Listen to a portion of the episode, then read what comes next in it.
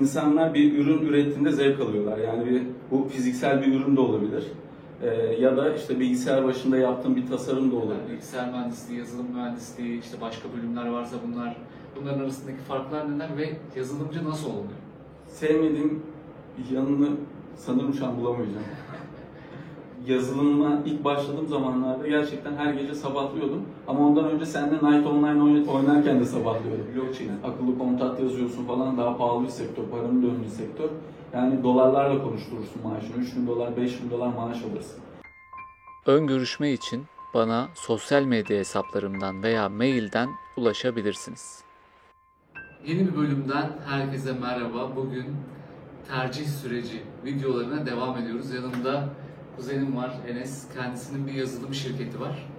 Ee, Kendisi de bir yazılımcı. Şimdi yine hani klasik sorularım var. Bunları soracağım ama bura, bugün biraz daha böyle sohbet tarzında e, olacak. Şimdi ilk sorumla başlayalım. Bu meslek hayalindeki meslek miydi? Ee, bu meslek hayalimdeki meslek değildi lise bitimine kadar. Evet. Ee, ama bu konuda da biraz maymun iştahlı olduğum için işte çocukken şair olmak istiyordum. Ondan sonra astronot olmak istiyordum. Ee, sen de biliyorsun liseden sonra biraz pilotaja sardım işte. iki yıllık uçuş harekat yöneticiliği falan da okudum. Pilot olabilmek için. Evet. Ee, yazılımcılık serüveni şöyle başladı. Üniversitede tıkladoy.com diye bir web sitesi kurdurduk işte. Babama kredi çektirdim. Ee, Evet. 15 bin lira kredi çekti bana verdi sağ olsun. E, Ben de o krediyi yazılımcılara dağıttım işte. Şu web sitesini kur. E, ne bileyim şu tarafına reklam koy gibi şeyler oldu. Baktım reklam koyduruyorum para istiyor. İşte ufak bir başlık şuraya başlık atalım diyor para istiyor. Dedim bu, bu işte para var kendi projelerimi bile gerçekleştirmek için yazılımcı olmam lazım. Sonra bu işi yaparken işte e, oturdum bilgisayar başında sabahladım ve çok zevk almaya başladım. Çünkü insanlar bir ürün ürettiğinde zevk alıyorlar. Yani bir, bu fiziksel bir ürün de olabilir. E, ya da işte bilgisayar başında yaptığım bir tasarım da olabilir. Hazır bir programa girip işte sosyal medya paylaşımı yapmak bile aslında bir ürün üretmek ve bu da insana keyif veriyor. Bana aşırı keyif verdi. Bir de yazılımcı yazılımı araştırırken, öğrenirken şunu fark ettim. Yapabileceklerinin sınırı yok. Yani orası senin ayrı bir dünyan Ee, ve o dünyanın kurucusu sensin. İstediğini yazabilirsin, istediğin şeyi ekleyebilirsin, istediğin bir dünyayı sanalda kurabilirsin. Ki işte dünya diyorum şu anda Metaverse projelerimiz falan var, girişlerini yaptık. Ee, o yüzden bana çok keyifli geldi ve orayı yönetebiliyor olmak böyle hem güçlü hissettirdi hem de e, biraz şanslıysan, bu işi biliyorsan, biraz da girişkensen e, iyi de para olduğunu düşünüyorum. Yani hayalindeki değildi ama Hayal- sonradan Evet. hayalindeki meslek oldu zaten hayat, hayatında sonra ona göre şekillendirdi. Öyle oldu. Pilotaj mesela hayalimde ama onu da hala hobi olarak yapabiliyorum. Arada gidiyorum işte yarım saat küçük uçaklarda uçuyorum. Bu keyif veriyor. Ama şu an yazılımcılıktan aşırı, yazılımcı olmaktan aşırı keyif alıyorum yani. Şimdi birinin yazılımcı olması için neye ihtiyacı var? İşte diploma olarak e, işte bazı bölümler var ve bu bölümlerin arasındaki farklar neler? Bilgisayar mühendisliği, yazılım mühendisliği, işte başka bölümler varsa bunlar, bunların arasındaki farklar neler ve yazılımcı nasıl oluyor? Yani bunların arasındaki en büyük fark puan. Yani böyle sayısalda değilsen işte o kimyaya, fiziğe çok e, başarılı değilsen ama yazılımcı olmak istiyorsan, matematiğin değilse yani eşit ağırlık okumuşsundur. O zaman gidersin yönetim bilişim sistemleri okursun. Ee, yönetim bilişim sistemleri de işte işletme ve yazılımı harmanlayan bir bölüm. Orada da e, yani arkadaşım var oradan biliyorum. Orada da yazılım eğitimleri alıyorsun ve yazılımcı olarak çıkıp çalışanlar çok. Sayısalcıysan ki tabii ki bir e, mesleğin en iyi bölümü hangisiyse onu okumak gerekir. Bence bilgisayar mühendisi veya yazılım mühendisi okuman lazım. Bunların ikisinin arasındaki e, fark da şu. Bilgisayar mühendisi bilgisayarı tamamen ele alıyor. İşte burada e, donanımlar giriyor, işte ekran kartları giriyor. Bir sürü e, bilgisayarla ilgili her şeyle ilgilenirken yazılımcı sadece e, donanımsal kısmı hariç yazılımla ilgileniyor ve daha fazla dil dersi görüyor diyebiliriz yani. Evet. Bilgisayar mühendisliği okuyup da yazılımcı olmayan, işte e, bu alanın farklı bölümlerinde çalışan kişiler çok fazla var. Ama yazılımcı, yazılım mühendisi direkt yazılımcı olarak Direkt işe başlıyor. Burada da benim tavsiyem şu, e, genelde köklü bölümleri tavsiye ederim. Mesela mühendis olacaksın, makine mühendisi ol. Gidip de işte makine mühendisine eşit ismi uzun bir mühendis olma. Çünkü köklü bölüm makine mühendisi. Bilindik Zaten kapsıyor değil mi? Kapsıyor. Bilgisayar mühendisi de bu yüzden benim e, tercihim bilgisayar mühendisliği olurdu. Çünkü yazılım da kapsıyor. İleride ne olacağı belli olmaz. Belki başka bir alanda da çalışmak ister. O yüzden yazılımcı ol- olmak isteyen bilgisayar mühendisi Daha mantıklı. okuması daha mantıklı. Tamam. Peki bölümü okumanın zorlukları nasıl? Var mı? Mesela hiç bu işlerle ilgisi olmayan, alakası olmayan, gözü gözü korkan kişiler olabilir. Onlara ne söylersin? Ya burada e, bölüm okumasından ziyade mesleği seçerken şöyle bir algı oluşuyor. Bende de vardı o algı. Asosyal olur muyum? E, işte çünkü bir yazılımcı deyince akla şey geliyor. Böyle yuvarlak gözlükleri Evet. olan, Evde sivilceleri olan, biraz göbekli, bilgisayar başından hiç kalkmayan kişiler anlamına geliyor. E, ben tanıyorsun beni çok sosyal biriyimdir. Aynı zamanda yazılımcıyım.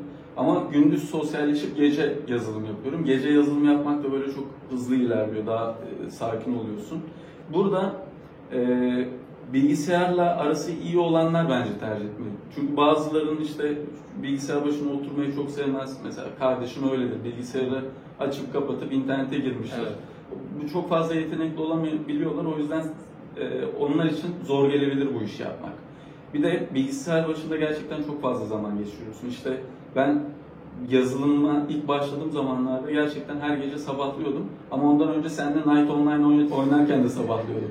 Yani bilgisayar başında bizim için sabahlamak sıkıntı değil. Çok keyif alarak e, yaptım. E, Biz Night Online oynuyorduk. Şimdi Night Online çıkartıyorsun gibi düşün. Daha keyifli. Ee, onun dışında mühendislikte gördüğü, görecekleri derslerin e, ortak olan dersler oluyor. Yani aynı zorlukta mühendis olmak isteyen kişi zaten o dersleri görmek zorunda. Başka bir zorluğu yok. En büyük zorluğu ben bilgisayar başında oturup e, zaman geçirmekten keyif alır mıyım? Ortaya bir ürün çıktı, çıkarttığımda bu benim için keyifli olur mu? Bazıları da diyebilir ki ben sosyal bir yerde çalışmak istiyorum. İnsanlarla iletişimim e, daha kuvvetli, insanlarla iletişim kurmak istiyorum diyebilir. E, yani ben şirket sahibi olduğum için insanlarla iletişim kuruyorum ama bilgisayarla iletişim kurmayı daha çok seviyorum yani. Bir video daha çekeceğiz seninle. Bu genel şirket, işleyiş vesaire ile ilgili. Hani bunu da hatırlatayım. Ee, o videoya da bakabilirsiniz. ee, bu videodan hariç. Ee, bununla bağlantılı yazılımcılar asosyal mi olur? Yani böyle çalıştıkları ortam, işte çalışma arkadaşları az, işte 5-10 kişi bir ofiste genelde böyle midir? Benim algım öyle en azından. Ee, belki oranı vuracak olursak diğer mesleklere göre işte %50 %50 ise başka mesleklerde bunda belki %60'a 40'tır. Sosyaller daha fazla oluyor. Çünkü çok fazla bilgisayar başında e, zaman geçirmek isteyen kişiler bunu tercih ediyor. Ama genel olarak yazılımcı seni asosyalliğe iter gibi bir düşünce yok. Yani benim yazılımcı arkadaşlarım da var çok sosyaller. Ben zaten çok sosyal bir insanım. Ee, o yüzden bence bu şeyi kanıyı yıkabilirler yani. Aslında bu kişiliğine göre şekilleniyor. Tamamen Sen kişilik, zaten evet. asosyalsin. Yani yazılımcı olmaya daha meyillisin zaten. Evet. Ve sonra o mesleği seçiyorsun ve sonra deniyor ki yazılımcılar asosyal. Aslında Aynen öyle öyle. değil. Peki işsizlik nasıl? İş bulma olanakları nasıl? Yani şöyle, e, şimdi bu mesleği şöyle bir gerçek var. Mühendis veya diploması olmayanlar da yapabilir. Ya adam işte iktisat okumuş, işletme okumuş, çıkmış, yazılım eğitimleri almış, oturmuş yazılım da öğrenmiş. Bu arada iyi de yazılım yapabilir. Yani burada şeyde bilgisayar mühendisi değil, bu adamlardan olmaz demiyorum. Adamlar oturup çalışıp onlar da iyi yazılımcılar olabiliyorlar. O yüzden bu işi yapanlar çok fazla denilebilir. Ama ben e, bu işin içindeyim, piyasadayım. E, bundan önce de akademisyendim. Yani öğrencilerle de birebir oldum. Bu işin mutfağında da oldum, sahasında da oldum. O yüzden biliyorum. Yani şöyle, kaliteli yazılımcı bulmak çok zor. Kaliteli yazılımcıyı bulduğu an şirketler kesinlikle kaçırmazlar.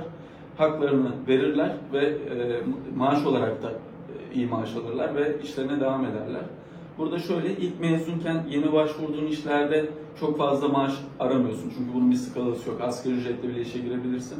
Ama bu en fazla bir yıl sürer. Evet. Kendini kanıtlarsan, dil biliyorsan, bu dilleri geliştirdiysen. Şimdi mühendisken e, C dillerini öğreniyorsun üniversitede. Ama çıkıyorsun dışarıda bütün hazır sistemler mesela PHP ile yazılmış. İşte üstüne Laravel kütüphanesini ekliyorsun, bir framework öğreniyorsun. İşte yeni teknoloji çıkıyor, JavaScript'in React kütüphanesini öğreniyorsun. Frontend'de harikalar yaratıyorsun, mobil uygulama, bütün mobil uygulamaları yazıyorsun. Böyle bir adamı kimse kaçırmak istemez. E, biz de kaçırmak istemiyoruz. O, o yüzden e, iş bulması başarılıysan çok kolay. Maaş konusunda da Maaşa en son Tamam, gideceğiz. son. Yani iş konusunda sorun yok. Doğru mu anlıyorum? Evet. Ortalama bir yazılımcı için de. Ortalama bir yazılımcı için bile iş bulmada sorun yok. Ortalamanın altında var. Peki şunu sorayım bir de. Adam kötü öğrenci, çalışmamış, çok da bilgili değil yazılım konusunda. Yani bitirmiş bölümü ama var ya böyle hani her, her meslekte var. Evet. O işi zorlanıyor mu gerçi? Çünkü bana öyle bir algı olmuş. Yani sonuçta bilmiyorsan değil mi? Şimdi şöyle, adam bilgisayar mühendisi olmuş. Ee, isim vermiyorum. Umarım izlemez. Ee, bilgisayar mühendisi olmuş gelmiş, benimle iş görüşmesine giriyor. Soruyorum, şunu yaptın mı? Hayır. Bunu yaptın mı? Hayır. En basic şeyleri soruyorum. İşte e, API bilgin var mı? API, API'larla çalıştın mı? O ne demek falan gibi bakıyor. Bu adamı almam. Bu adam işsiz kalır. Bu adam yazılımcı olarak çalışamaz. Gider belki bilgisayar mağazasında bilgisayar satar. Yani çok alakasızsan işsiz kalırsın. Evet. Ama en azından bir, bir kurumsal web sitesi yapabiliyor olman lazım. Yani bu çok basit bir şey yazılımcı için. Hani bunu biliyorsan gidersin web sitesi yapan bir şirkette ortalama maaşta yine çalışırsın yani. Anladım. Şimdi iki sorum var ar- arka arkaya. Mesleğin sevdiğin yanları neler, sevmediğin yanları neler? Ee, sevmediğim yanını sanırım şu an bulamayacağım. Daha iyi, video kısalmış olur. Evet. Sevdiğim yanı ise e, bir kere remote dediğimiz sistemde çalışma özgürlüğüm var. Dünyanın her yerinde çalışma özgürlüğüm var. Ee, yani şeyde böyle tatildesin, şezlonga uzanmışsın, bilgisayar başındasın, yazılım yapıyorsun. Kimse böyle yazılım yapmıyor, yapmazsın da. Çünkü tatildeyken tatil yapmayı planlıyoruz. Ama ben tatildeyken de gece oturup yazılım yapabilirim. Veya işte benim çalışanlarım da öyle. Bizde tamam biz mesai saati var ama işte bugün gelmek istemiyorum, iki gün gelmeyeceğim, üç gün şuraya gideceğim. Bunların hepsi açık. Ve biraz daha özgürsün çalışma hayatında. Yani 8-5 çalışmaktansa bizde şöyle, projem bu, terminin bu, bugüne kadar bitecek. Bitmezse bir günde 24 saatte çalışabilirim. Bizi ilgilendirmiyor. Ama eee, o özgürlüğü ona ait. O yüzden bunlar sevdiğim yanları diyebilirim. Sevmediğim yanları benim yok ama bazı yazılımcılardan, işte çalışanlardan da ve arkadaşlarımdan şikayet edenler şunlar. Eee, çok fazla öğrenmen gereken şey var ve sürekli kendini geliştirmen gerekiyor. Bu yine kişilikle alakalı. Benim çok keyif aldığım bir şey. Ama başkası ya onu da öğrenmem gerekiyor, tekrar bunu da öğreneceğim. Ee, bunlar insanlara zor gelebiliyor, gelebiliyor ve sıkıcı gelebiliyor. Evet. Bunlardan şikayet edebiliyorlar. Yani sürekli aktif olman, Sürekli aktif olman lazım. Bir de e, yine benim genelde sorduğum şöyle bir soru var. Mesleğin potansiyel yanları neler? Yani gelecekle umut vaat eden yönleri neler sana göre? Bir de mesleği tehdit eden, e, gelecekte umutsuz olduğun yönler var mı meslekle ilgili? Yani şöyle çıkartılmış yapay zekalar var. Bu yapay zekalara işte e, şu yazılımı yapar mısın dendiğinde hop o yazılımı yazıp sana önüne sunan ve bunun testleri, deneyleri yapılmış olaylar var şu an. Ama bu yazılım mesleğini tehdit eder mi? Bence önümüzdeki 50 yıl etmez. Çünkü onu da yapan bir yazılımcı, onu da geliştirecek bir yazılımcı olacak. 50 yıl biraz uzun sanki. Biraz uzun şey gibi olabilir bu hani Amerikan şey başkanı demiş ya bugüne kadar çıkmış her şey e, test edilmiş diye. E, Yapay zekalar bu yazılım yapabiliyor E, ama onu da yapacak bir yazılımcı. O yüzden bu mesleğin biteceğini düşünmüyorum. Bir de şöyle bir şey var. Yazılımcısın. Senin sektörün ne? Yazılım sektörü değil. Senin sektörün bütün sektörler. Her şeyde Yani senin sektörün market, senin sektörün restoran, senin sektörün işte eee, bir startup, herhangi bir startup, senin sektörün keşfedilmemiş bir sektör, yeni çıkacak bir sektör, yine yazılıma ihtiyacı olacak. O yüzden çok öleceğini düşünmüyorum yazılım mesleği. Yani burada da umutlu olduğunu Evet. düşünüyorsun. Kesinlikle. Sondan bir önceki soru. Maaşlar. Tabii en çok merak edilen. Tabii burada net bir rakam veremezsin yani diğer birçok meslekte gibi. Ama nedir yani yeni bir yazılımcı ne kadara başlar? İşte 3-5 yıllık bir yazılımcı ne kadar alır ve e, tavanı var mı? Bunun ucu bucağı yok, tavanı da yok. Eee minimumu var tabii ki asgari ücret. Bu videoyu çekerken 5500 lira asgari, asgari ücret şu an. Ocakta ne olacağı belli olmaz bu enflasyonda. Eee, yani yeni bir yazılımcı 5500'de bile başlayabilir. O var mı? Yani o da mı asgari ücret başlıyor? Asgari ücretle başlayan çok var. Biz biz asgari ücretle başlatmıyoruz yani çünkü Personeller bizim için değerli. Asgari ücretle başla demeyi benim ne gönlüm e, el veriyor ne de vicdanım el veriyor. Ee, ama az, çoğu asgari ücretle başlar. En azından deneme sürecinde asgari ücretle devam eder. Ama bunu çok dert etmesinler. Bunu bir staj olarak baksınlar. Çalıştıkları ilk bir yılı staj olarak değerlendirsinler. Ben 5500 liralık e, tam daha fazla değer veriyorum demesin. İşi öğrensin ve tecrübe edinsin. Ama işte senior, junior falan diye ayrılıyor bizde de pozisyonlar. E, kademe arttıkça daha fazla maaş alıyorsun tabii ki. Yani ortalama bir yazılımcı işte işe girdin atıyorum 3 yıl oluyor.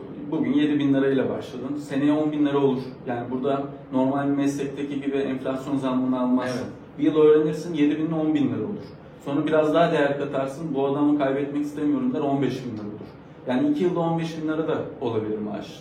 Veya daha fazla full stack developer'sın. Her şeyi sen yapıyorsun. Yani çok kaliteli bir adamsın benim gözümde. Yani 15 bin, 20 bin Hatta daha özel projeler biliyorsun. Mesela blockchain, akıllı kontrat yazıyorsun falan daha pahalı bir sektör, paranın döndüğü sektör. Yani dolarlarla konuşturursun maaşını. 3 bin dolar, 5 bin dolar maaş alırsın. Ki yazılımcı oldun, Türkiye'de yaşasan dahi yurt dışında yazılımcı olabilirsin. Yurt dışındaki şirketlerle de çalışıyor olabilirsin. Dolar üzerinden maaşını kazanırsın. O yüzden ucu bucağı yok, mutlu olursun bu rakamlarda. Peki bir de şunu ekleyelim. Şimdi mesela yazılımcısın.